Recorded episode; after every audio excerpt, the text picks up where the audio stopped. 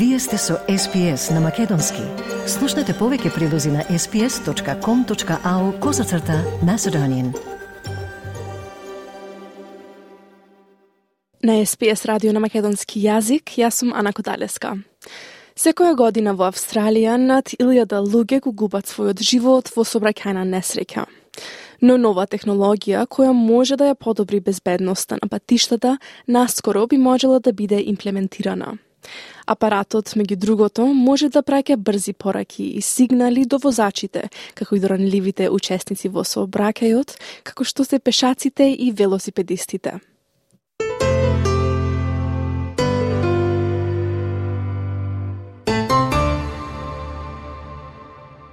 Питер Фрейзер ја загуби својата керка во собраќајна несреќа во 2012 година, кога камион ја удрил расипаната кола на 23 годишната Сара Фрейзер. Околу 1000 лица во Австралија го губат својот живот секоја година во собраќајна несреќа. Во 2021 година бројот на смртни случаи се зголеми за речиси 3% во споредба со предходната година но производителите на нова паметна технологија се обидуваат да ја подобрат безбедноста на патиштата низ целата земја. Господин Фрейзер ја основа организацијата Sarah Group во 2013 година, именувана по неговата керка која се залага за безбедност на патиштата. Тој вели дека ги поздравува сите нови безбедносни мерки кои може да придонесат кон намалување на бројот на жртви на патиштата. Anything that um, reduces those numbers is fantastic. So I, you know, as I say, I'm an advocate for it. But and if we go back into 2012 when my own beautiful daughter Sarah Fraser was killed, had we had the ability for infrastructure to communicate with vehicles, then that distracted truck driver would have been given an alert that would have potentially saved my daughter's life. Новиот систем, наречен Cooperative Intelligent Transport System, опфаќа низа технологии кои можат да спречат сообраќајни несреќи, со тоа што обезбедуваат инстантни информации за возачите и ранливите учесници во сообраќајот, како што се пешаците и велосипедистите. Иен Кристенсен е управен директор на IMOVE Австралија, организација која ја тестира оваа нова технологија. Тој објаснува дека наједноставната улога на технологијата е да се пренесат информации за опасност на патиштата. So the overall idea behind uh, cooperative ITS or cooperative intelligent transport systems is to improve the information flow to drivers and road decision makers. Uh, and that means decision making in real time. So, in the first instance, uh, and the simplest uh, deployment of CITS would be to make um, hazard information available to drivers Системот исто така овозможува сигналите и информациите да бидат пратени до возилата, со тоа известувајќи ги возачите за опасности кои инаку би биле невидливи, објаснува господин Кристенсен. Тој вели дека технологијата може да ја подобри и ефективноста на раскрстиците, што би довело до помалку запирање, односно во долг рок пониски емисии на стакленични гасови. It has potential to offer safety benefits to vulnerable road users, uh, safety benefits or, or reduced uh, rates of accidents in, for vehicle drivers themselves, and and and also potentially improved. We'll, we'll call it you know intersection effectiveness or intersection productivity, um, which ultimately leads to less stopping and starting and, and lower greenhouse gas emissions as well. Технологијата беше испробана од 350 учесници во период од 9 месеци во градот Ипсвич. Оваа недела беше доставен документ до Федералниот оддел за транспорт, вклучувајќи поднесоци од јавноста, производителите на автомобили и други групи од автомобилската индустрија. Паметната технологија вклучува телефонски системи кои испраќаат пораки помеѓу возилата и семафорите. Господин Кристенсен вели дека во моментов се тестира технологија која може да биде дел од системот, што има возможува на возачите да бидат предупредени за предстојните опасности со информации од технологијата на облак.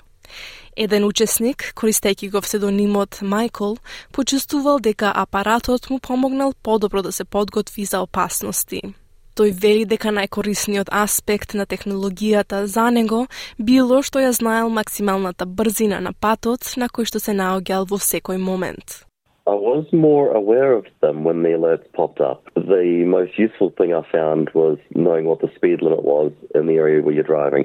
Because with all the different speed limit changes around school areas and uh, just in urban areas, it's helpful to know what the limits are so it's easier to comply with it. Друг учесник пријавил во Центарот за истражување на несреќи и безбедност на патиштата на Технолошкиот универзитет во Квинсленд дека алармниот тон кој предупредувал дека возачот се приближува до црвено светло на семафор му помогнал да остане безбеден кога бил уморен од работа. Иен Кристенсен вели дека алармот успешно потикнувал акција од возачите.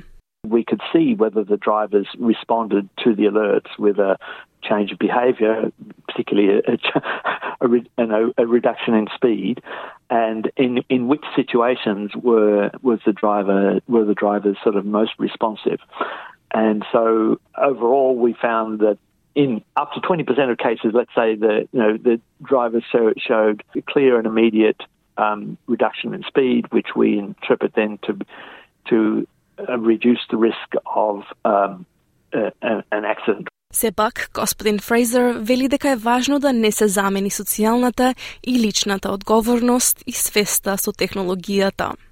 Тој вели дека полицијата и камерите на улиците исто така влијаат врз безбедноста на патиштата. We do have to take that individual responsibility and an ITS system, as I say, I'm an advocate for it. Um, it's not going to replace that decision making that individuals uh, will need to do. And indeed, I think that there would be an incredible backlash if people were saying that the vehicle is now going to make those decisions. People will still want to be in control. So, this whole concept of how we need to change behaviour needs to be part and parcel of this discussion of the intelligent transport systems.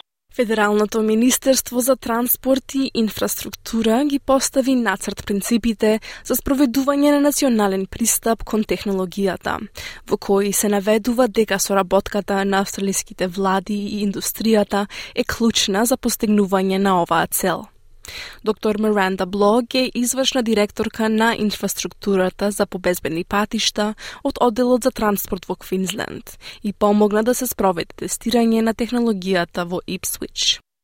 Таа вели дека е потребна голема координација на национално ниво, за да бидат усогласени индустриските стандарди за комуникацијата меѓу различни возила. Според доктор Блог, може да бидат потребни 2 до 4 години за да се имплементира најефективниот и најбезбеден модел на оваа технологија. We're hoping that if we can do some more large scale cross border pilots, there may be a chance to, to move us closer as government. But industry ultimately also needs to make some decisions about what product they want to enter into market in Australia, and that's very heavily dependent on one, agreeing on standards, and two, having the systems in place, like those security systems that they can use, um, and they have confidence that that's where Australian governments are going. Господин Кристенсен вели дека владата на Комонвелтот има важна водечка улога кога станува збор за безбедноста на патиштата. I would say the, the role of the, the Commonwealth government is to encourage uh, to build consensus amongst the jurisdictions and in, encourage the jurisdictions to, to, all come on board with a, a, a nationally consistent approach to um, information, you know, hazard messaging to uh, drivers and vehicles. Господин Фрейзер вели дека често забораваме дека кога возиме всушност се наоѓаме во возило кое може да убие и да повреди. Па затоа треба да се погрижиме за безбедноста на патиштата и да обезбедиме дека сите ќе се вратат дома безбедно. We forget that we're actually in a vehicle and which is a vehicle which can kill and maim, and we've got to look after those on the road ahead so that everyone's loved one gets home safe. And that's the key. So we've got to turn that on its head from we're only protecting the driver to we're protecting those in the vehicle and everyone that that vehicle may come across. These are all vulnerable people, so we've got to actively look after them. Тој сака австралиците да ја знаат приказната зад жолтата лента, што ќе ги украсува автомобилите и спомениците низ целата земја во мај, ширејќи ја свеста за спасувачкиот потенцијал на безбедноста на патиштата за време на Националната недела за безбедност на патиштата. Тој сака австралиците да ја знаат приказната зад жолтата лента што ќе украсува автомобилите и спомениците низ целата земја во мај, ширејќи ја свеста за безбедноста на патиштата за време на Националната недела за безбедност во сообраќајот. When Sarah was killed, I tied a yellow ribbon onto our car aerial because that was her favourite colour. Nothing to do with road safety. But what happened was our community here in the Blue Mountains started to do the same thing, and that then spread across the nation, and it's now the uh, national road safety symbol. So when you see things on, you know, on the backs of vehicles, uh, you'll see Drive Others Survive and reflective uh, ribbons and stickers and that. They're moving billboards for road safety now, but it was that started because it was just my beautiful daughter's favourite colour. So we're incredibly proud of that. Стиснете, ми се допаѓа, споделете, коментирајте. Следете ја SPS на Македонски на Facebook.